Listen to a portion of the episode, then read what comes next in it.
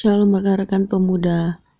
Pada pagi hari ini, sebelum kita melakukan aktivitas, sebaiknya kita mendengarkan sate urat. Sebelum kita mendengarkan sate urat, lebih baiknya kita berdoa terlebih dahulu. Bapak yang baik, terima kasih Bapak untuk segala berkat yang telah kau berikan kepada kami sampai hari ini. Engkau masih memberikan napas kehidupan dan kesehatan. Sebentar Bapak, kami akan mendengarkan renungan sate urat. Kiranya renungan ini Bapak bisa menjadi bimbingan dalam setiap langkah kami dan setiap kegiatan kami untuk melanjutkan hari-hari kami. Hanya ini doa anak Bapak. Amin.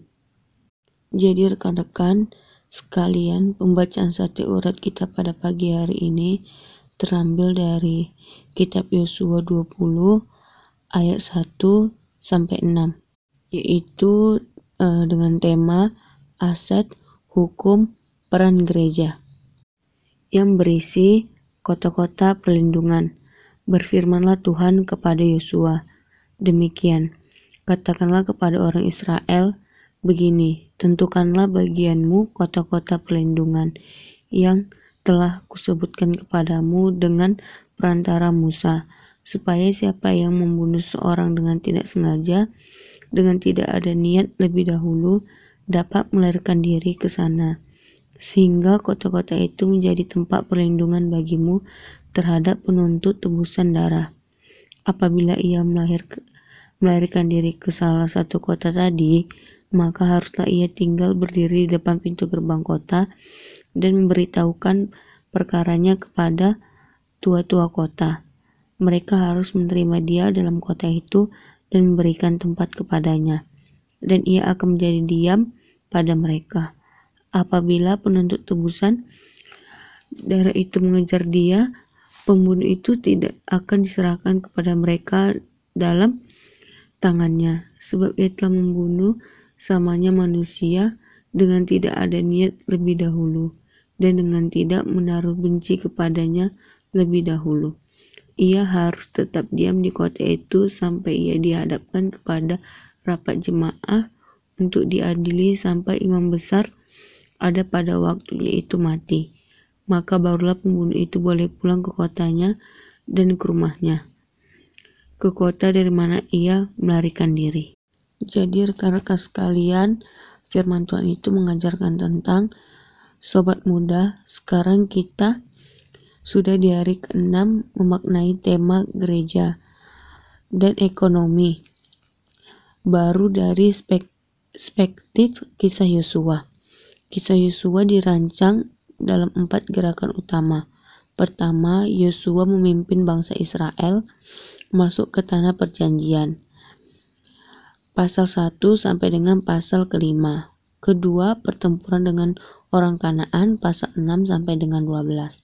Ketiga, pembagian tanah perjanjian kepada 12 suku Israel setelah menang dari Kanaan pasal 13 sampai pasal yang kedua-dua. Keempat, pesan terakhir Yosua kepada bangsa Israel pasal 23 sampai dengan pasal 24. Pembacaan hari pertama dan kedua kemarin masuk bagian dari gerakan pertama. Pembacaan hari ketiga sampai kelima Kemarin masuk gerakan kedua, pembacaan hari ini masuk kisah gerakan ketiga. Isinya tentang pembagian tanah. Yap, aset identik banget ya dengan ekonomi, bisnis, kesejahteraan, dan sejenisnya. Namun demikian, aset bukan hanya tentang benda, tetapi juga insani pesan firman Tuhan. Hari ini jelas, yaitu keadaan hukum bagi seseorang kota pelindungan menjadi tempat pembunuh mencari dan memperoleh keadilan, serta perlindungan hukum setelah proses peradilan. Dari situ dirinya akhirnya mendapat kemanfaatan, kepastian, dan keadilan hukum. Hendak Tuhan atas bangsa Israel adalah tujuan hukum dapat tercapai, yaitu kemanfaatan, kepastian, dan keadilan hukum. Memasuki era ekonomi baru, gereja semakin mempunyai peran mendasar, yakni membangun iman kepada Yesus Kristus.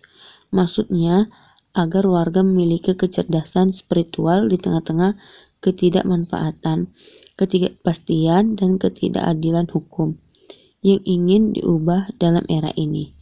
Dengan demikian, adil sejahtera sebagaimana tujuan bernegara dalam paragraf keempat pembukaan Undang-Undang NKRI 1945 dapat tercapai. Jadi rekan-rekan, untuk pembacaan sate urat kita pada pagi hari ini, uh, sekian. Mari kita berdoa sebelum kita melanjutkan aktivitas kita masing-masing. Bapa, kami telah membaca sebagian dari firman Bapa. Berkati kami Bapa sepanjang kami melanjutkan hari-hari kami Bapa dalam pekerjaan, bersekolah Bapa ataupun dengan kegiatan kami yang lainnya Bapa. Bapa, kami serahkan hidup kami Bapa hanya ke dalam tangan kasih Bapa. Berkati kedua orang tua kami, saudara-saudara kami di mana pun mereka berada Bapa. Berikan kesehatan dan panjang umur Bapa. Hanya Indonesia Bapa dalam Tuhan Yesus aku mengucap syukur. Amin.